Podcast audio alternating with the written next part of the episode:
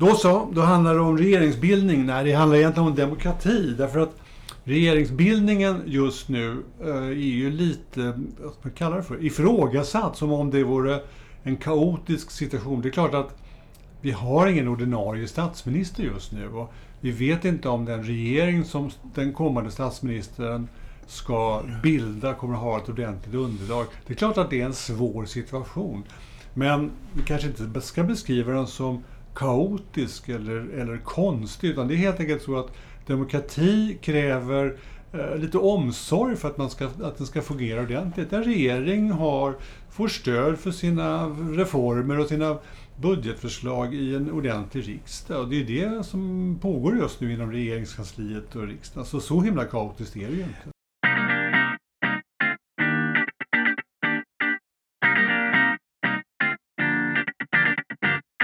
Nej, alltså, det är ju egentligen verkligen inte kaos. För det här visar ju att det finns och fungerar även när det är stress i systemet. Och statsminister har vi ju. Därför vi har ju inte varit skifteskonselj ännu. Så att Löfven han sitter där han fram till tisdag, onsdag nästa vecka. Eh, och, och eh, den expeditionsministär vi har, den fungerar ju och den tar de beslut som är nödvändiga för rikets framdrift så att säga. Precis, alla departement är bemannade med ordentliga chefer som är vana vid sitt arbete och sådana saker. Ja. Så att egentligen är det inget, inget farligt, ens kaotiskt överhuvudtaget. Nej, alltså det är klart det var någon som skrev på Twitter, vad händer om 100, U137 kör, kör, kör uppåt grund i, i natt? Ja, då är det ju Löfven och ÖB som får ta hand om det. det är, ju- värre är det ju inte.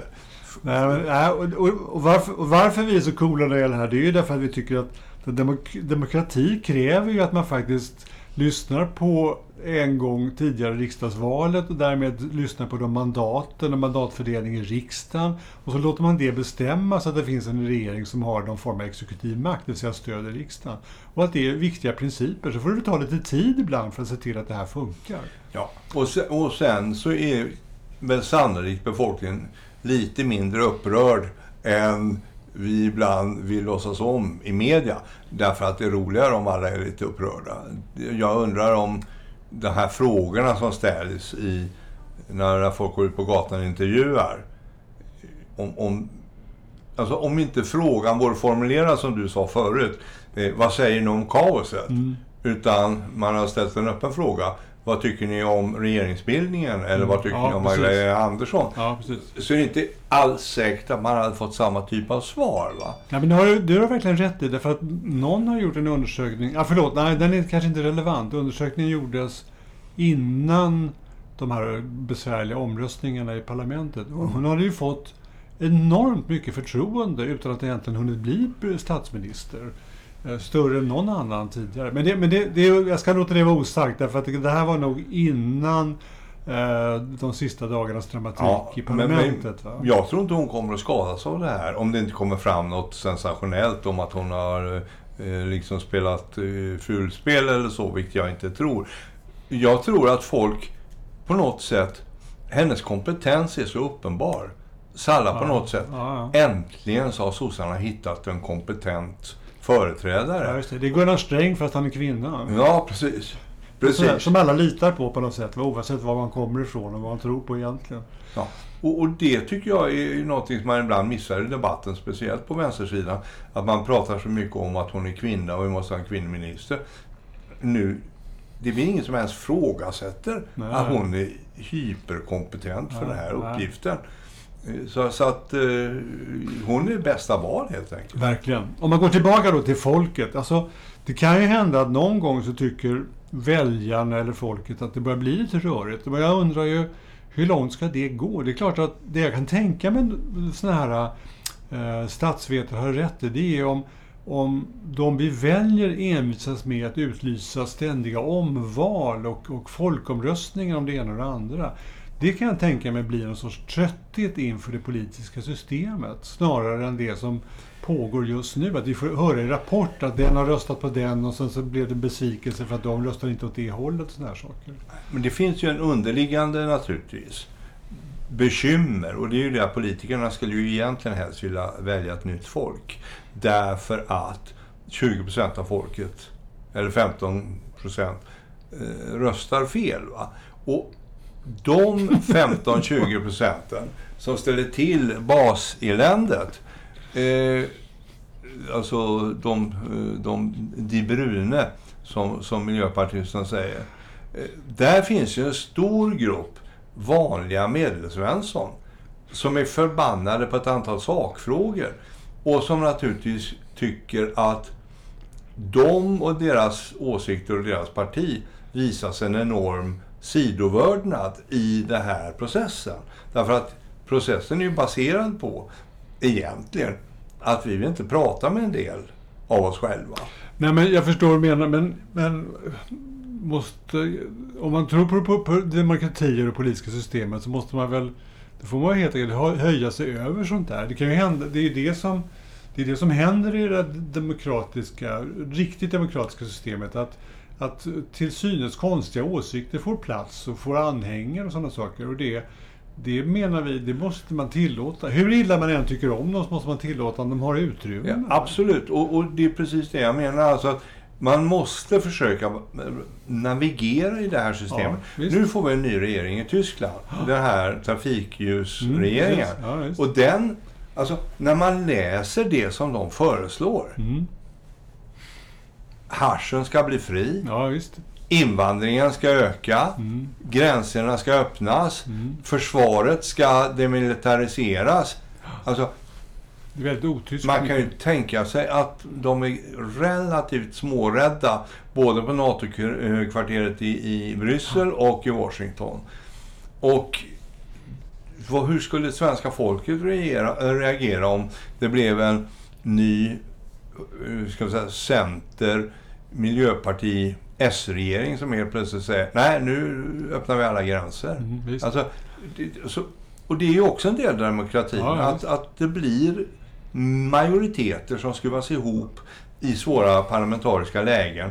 Och då får man äta resultatet av det också. Mm, precis. Och det viktiga är egentligen bara att man försäkrar sig om att, att eh, det inte, inte dyker upp icke-demokratiska tendenser i de här partibildningarna. Och i, med det så följer ju med sådana saker som vi idag inte gillar händer i Polen eller Ungern. Att man liksom förtrycker den fria pressen eller att man har egendomliga, ett egendomligt eh, klåfingrigt sätt att behandla domstolsväsendet och sådana saker. Utan man bibehåller de, de andra yttre, yttre maktbaserna utanför själva parlamentet ja. eller riksdagen. Ja, men där tycker jag ju då att våra riksdagsmän ibland, våra partier ibland är lite naiva. För att jag tycker till exempel det här med, med som vi har tjatat om förut, Eh, skattefinansieringen av public service. Den uppfattar jag som farlig ur polsk-ungersk synpunkt. Därför att vi har redan haft både miljöpartister ja, visst, visst. Och, och, och sverigedemokrater mm. som vill lägga sig i. Mm, och, och, det öppnar för det. Ja, det, det.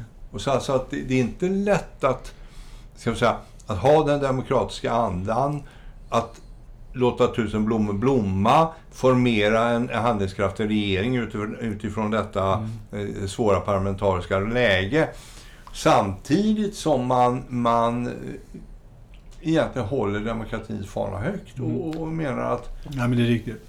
Och det finns andra saker som man skulle öns egentligen önska sig i Sverige, att vi hade en starkare konstitution egentligen att det fanns tydligare, ännu tydligare band, eller snarare tydliga gränser mellan domstolsväsende och uh, den regerande makten. Ja. Men där har vi ju fullkomligt medvetet mm, visst, ja. skapat en, en... Alltså, Socialdemokraterna har ju under hela 1900-talet hävdat att eh, folkdemokrati mm. baseras på att en massa tråkiga jurister ska inte kunna sitta och hindra folkviljan och få genomslag. Ja, och, och, det är därför har vi ingen första kammare, mm. därför har vi ingen författningsdomstol, mm. ja, därför är vår grundlag förhållandevis dispositiv i jämförelse med många andras grundlagar. Mm. Och, och det är ju också ett demokratiskt val som vi har gjort. Mm. Alltså majoriteten av vårt folk röstade på sossarna och mm, sossarna såg till att folkviljan skulle få genomslag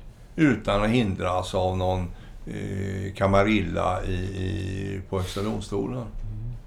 Ja, men om vi går tillbaka till folket då inför det här, eh, som det beskrivs ibland, röriga läget. Eh, om igen, jag tror fortfarande inte att folket är så himla upprörda nu. Jag tror till och med inte att folk, vår, våra väljare och vi själva var så upprörda förra gången det skulle bildas en ordentlig regering efter senaste riksdagsvalet. Då är vi alltså inne i vintern 2018. Hösten 2018 och sen så gick in till och med vintern 2019. Mm. Jag tror faktiskt att vi stod ut med det. Och det var väl just därför att vi är ett förhållandevis välordnat land och att det mesta fungerade i alla fall. Ja, pensioner blev utbetalade, Precis. tågen gick kanske inte tid men de gick mm. i alla fall och så vidare. Och då, och då får... Det är klart att vi skulle hellre önska att det blev snabbt en regeringsbildning och sånt där och, eh, och tydlighet. Men om det inte är så, det tar tid, så tycker jag inte att... Jag tror inte att kaoset som det beskrevs som ändå inte var så...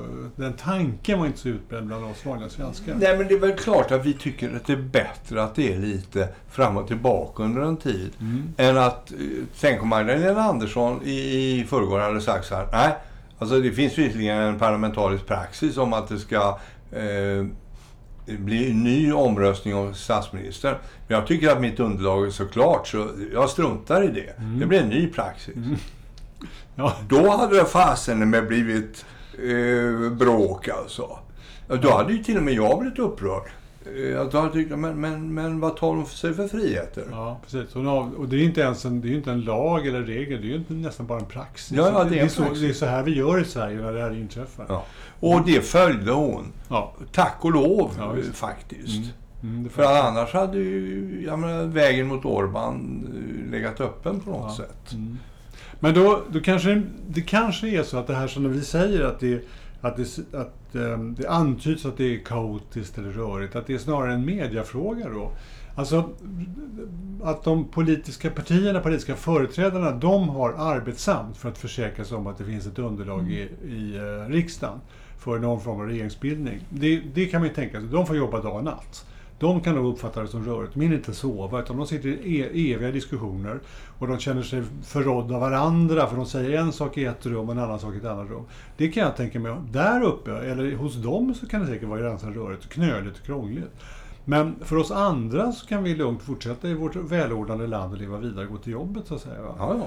Och, då, och då är frågan, är det media som driver frågan att det är kaotiskt och rörigt? Alltså? Det där är en väldigt intressant fråga, därför att det finns ju det finns ju en dramaturgi i detta. Mm.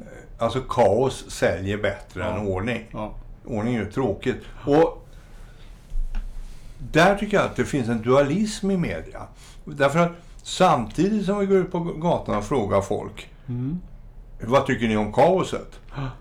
Så sitter vi i presskonferenser med ministrar och, och tilltänkta eh, statsministrar eh, och, och och så frågar vi inte om kaoset. Jag menar, hallå? Alla sitter och ler och tycker det är jättetjusigt att få en, en kvinnlig statsminister.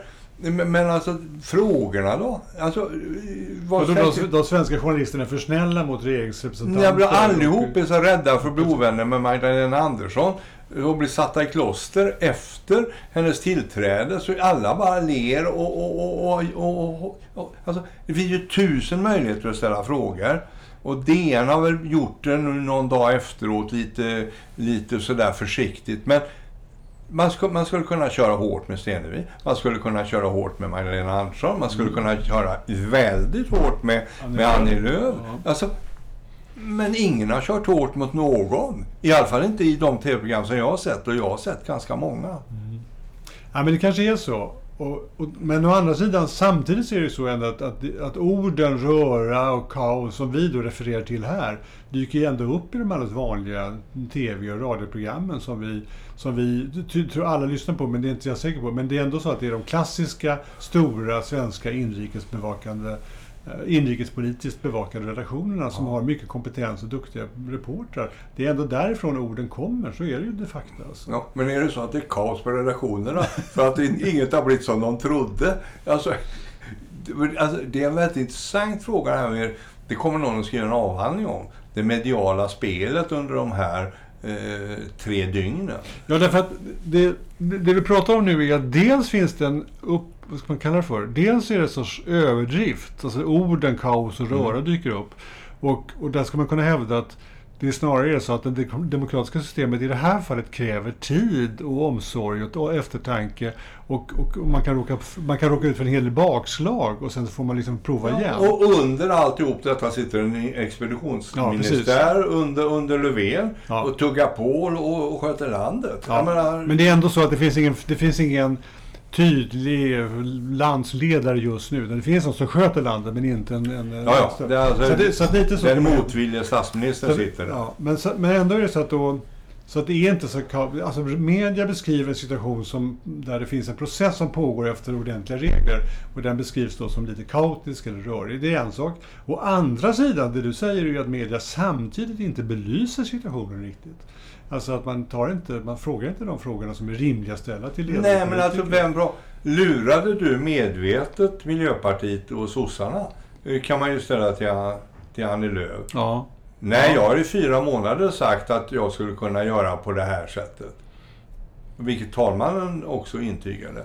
Jaha, och sen så till, till Stenevi. Fattade ni det här beslutet en minut efter budgetomröstningen? Mm. Eller hade ni förberett er? Och om ni hade förberett er, varför sa du ingenting till, till, till, till eh, talmannen, talmannen, eller till Magdalena Andersson? Mm. Och till Magdalena Andersson kan man ju fråga, är det verkligen sant att inte Miljöpartiet har sagt något till dig? Ni har ju mm. suttit i samma mm. regering i fyra år. Alltså, de frågorna vänligt formulerade men spetsigt kan man ju faktiskt ställa. Men det är inte gjort. va.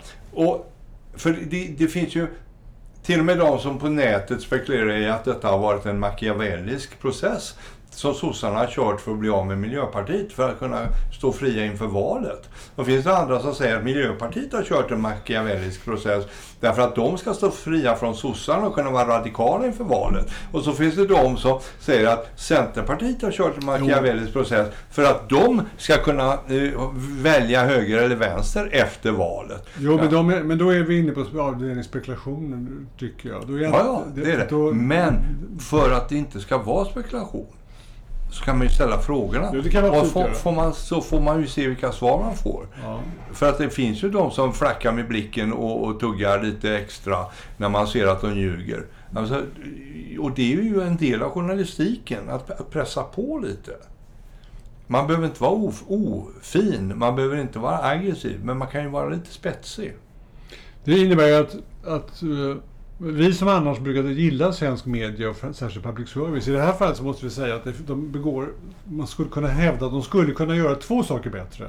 Dels minska ropet på att uh, hävda att det är kaos och röra, utan snarare hävda att detta är en, detta är en del i det demokratiska processandet för att se till att det finns en ordentlig ja. riksdag. Och inte vara så noga med att påpeka att det är rörigt. Mm. Och inte kommentera röran, utan kommentera hur processerna ser ut och beskriva för oss vanliga TV-tittare vad som händer och vad nästa steg blir. Det gör de i och för sig också, men de mm. behöver inte lägga till de där, de där övertonerna på något sätt. Mm. Det är det ena. Och det andra är att vi faktiskt önskar att de var lite mer frågvisa. För att belysa om igen. Jo, men lite samma sak som efter den här covid eh konferenserna i våras när det var någon tysk journalist som var inne och, och ställde alla vassa frågor. Mm. Och så kom det upp en debatt om varför ställde inte vi de vassa mm. frågorna. Mm. Ja, lite samma sak här. va. Och jag kan förstå att man inte vill bli ovän med Magdalena Andersson. För hon har väl rykte om sig att vara ungefär som Göran Persson, så att hon har ett långt minne. Men, men, men eh, icke förty så eh, satt jag och väntade i, när jag såg på fyran och på Rapport Aktuellt igår. På, på lite... Egentligen är det så att de, alltså de stora redaktionerna ska ju inte böja sig för det. Och det finns en, även en högt uppsatt minister av något slag som, som har den tendensen så ska inte man böja sig. Det får man väl byta reporter då och då och sådär. För att, därför att frågorna är ju faktiskt, det ingår ju faktiskt i uppdraget. Ja, och det är lite det jag är ute efter. Och sen så vill man ju vara försiktig när man pratar om det här. För man vill ju inte anklaga någon för att vara försteslickare. Men, men alltså det är klart att vår ankdamm i Sverige är ganska liten. Vår chattrande klass är ganska liten och vi känner varandra i väldigt stor utsträckning. Och det är klart att, det är, att eh, ordet delikatessjäv kan ju även drabba en journalist. Mm. Det är intressant att se hur den här eh, ganska upphöjda tv-program med 30 minuter om de tar sig an det här. Nu, nu gör ju de det i efterhand. Det är, Mm. det är ju själva programmets eh, art så att säga. Va? Man tar Mm. upp sånt som är sagt under Ja. sista, sista året och sånt där. Men det vore intressant att se om det, det där kan bli belyst. Det, det, ehm, det skulle kunna vara intressant att veta lite mer. Därför att det är klart att det finns konstiga frågor. Det finns ju frågetecken i det här. Alltså. Så är det ju. Detalj, detaljfrågetecken. Visste ni eller visste ni inte? Varför blir ni så överraskade? Varför gick processen på det här sättet? Och visste man, hur mycket, visste, var det verkligen så att Magdalena Andersson trodde en sak i början på dagen som sen visade sig bli helt annorlunda och tvingades fatta helt andra beslut senare? Vilket, vilket låter rätt konstigt om man Ja. ärlig. Och sannolikt, men, men samt, samtidigt är det ju sannolikt, eller trovärdigt när, när Stenevi säger så här, ja, men vi gjorde ju upp om skogen och stränderna. Då är det klart att jag trodde hon skulle rösta på våran budget. För det, det ingår ju i budgeten. Ja. Jag menar, det, har det, ju det är ett rimligt antagande. Det, Det är är ett rimligt Ja, det är det. antagande. Mycket Ja, rimligt. Ja, det är. va. Så, så att man vill inte anklaga dem, men jag hade gärna velat se frågorna ställas va? Mm. och se reaktionerna. Det, ja. Ja, men det är klart att, att, att det finns en, just nu kanske det är så att, ja, dels har talmannen sagt att Miljöpartiet gjorde en konstig rörelse. Men sen är det väl så att i övriga medier är det väl Annie Lööf som på något sätt bär en sorts hundhuvud. Det är hon som har ändrat sig, just gjort det här. Sagt nej, ja till en minister och sen sagt nej till samma ministers budget. Ja, vilket ju också är lite konstigt. Alltså för, för att, eh, men då säger ju både hon och talmannen, ja men det har jag sagt i tre månader så det är ju inget konstigt. Vilket ju hon ju dessutom har gjort. Så att, så att eh, ja och så är frågan, är det så att alla tre egentligen är in this together? För alla tre vill stå fria inför valåret. Och, och, och egentligen så har, har den machiavelliska komplotten, den är gjord av dess, i detta triumvirat till allas bästa. Sossarna är fria, Centern är fri, Miljöpartiet är fritt. Ja, men det, är intressant. det är klart att det går att se fördelar och det finns ju en del kommentatorer som ser det också. Men, men jag har så svårt att tro att, all, att, att... Jag har ens svårt att tro att någon av dem är så, är så planerande. Det låter för cyniskt på något Ja, sätt. alltså. förslaget, ja. Ja, på något sätt. Va? Så Mm. att jag tror, däremot så kan jag inse att när det väl har hänt så kan jag verkligen förstå att kanske just att Socialdemokraterna kan se sig själva som möjliga, dra, dra Det finns ju av en det. intressant bieffekt utav detta och det är ju det att förra veckans hjälte, vänsterledaren, Mm. Det är helt borta. hon är helt borta. Mm. Så ur den synpunkten sett så har ju Socialdemokraterna vunnit. Mm. Verkligen vunnit. Alltså, de har jordat Vänsterpartiet, de har kommit loss ifrån Miljöpartiet Mm. och de har put the blame on, on eh, Annie Lööf. Så att jag menar, det... det ja, är de så machiavelliska? De är ju duktiga, men är de så duktiga? Om man tänker på hur det är i andra länder så har jag en känsla av att det, vi, det som pågår i Sverige just nu och sådär, att det, det, det finns, man kan se sådana kommentarer också, att, att världen tittar på Sverige just nu. Det låter ju lite otroligt tycker jag, därför att andra länders regeringsdiskussioner och konflikter efter val och sånt där, det är ju inte så att de är så himla eleganta och det bara det liksom blir ett val och så räknar man ihop en ny regering och sen så sätter man igång. Nej, nej, snart Det är Berlusconi president i Italien igen. Ja, det, Alltså, det, är liksom, det, det händer massa konstiga saker Ja. överallt, va, hela tiden. Och eh, det eh, vårt grannland Norge lyckas man bilda regering ganska kvickt, tror jag. Mm. Och, eh, och Tyskland har man faktiskt lyckats bilda en egendomlig regering kan vi tycka, men den är ändå bildad Ja, trots men de har- det här. De har hållit på ett tag, ska man säga. Men, ja, eller, eller kanske det man ska säga. Det tog ett tag för tyskarna att bild- bilda regeringen. När CDU, CSU till slut föll så, så tog det ett tag. Och jag kan inte riktigt minnas hur, men det är väl en månad eller två månader i alla fall. Mm. Och så har, har de bildat regering just nu. Så det är inte så att, förutom Norge då som gick ganska raskt, så är det för övrigt inte så att det går så himla fort. Nederländerna och Belgien har en känsla av alltid lång tid innan de överhuvudtaget bildar en Och i alla länderna så är det samma problem. Det finns starka eh, populistiska partier som har uppstått. Ja, Som, som, ja. som, som skapar... Jo, det är riktigt. Men, men alltså, det finns ju länder som har problem utan det. Alltså i, I Belgien är det en tvåspråkighet som spelar roll i partibildningarna. Eh, och ehm, i, I Spanien så är det liksom uh, utbrytarpartiet, alltså eh, Andalusien, nej vad säger jag, eh, Katalonien vill liksom bli en egen del som, som spökar hela tiden i i regeringsbildning och sånt där. Så att varje land har sitt problem på något sätt. Mm. Om igen, just nu kan man säga att ja, men Norge verkar ganska, ganska enkelt. Man, man byter, alltså det, det, det, tidigare ledande partiet får mindre röster och så, så byter man regering och så, så fortsätter man.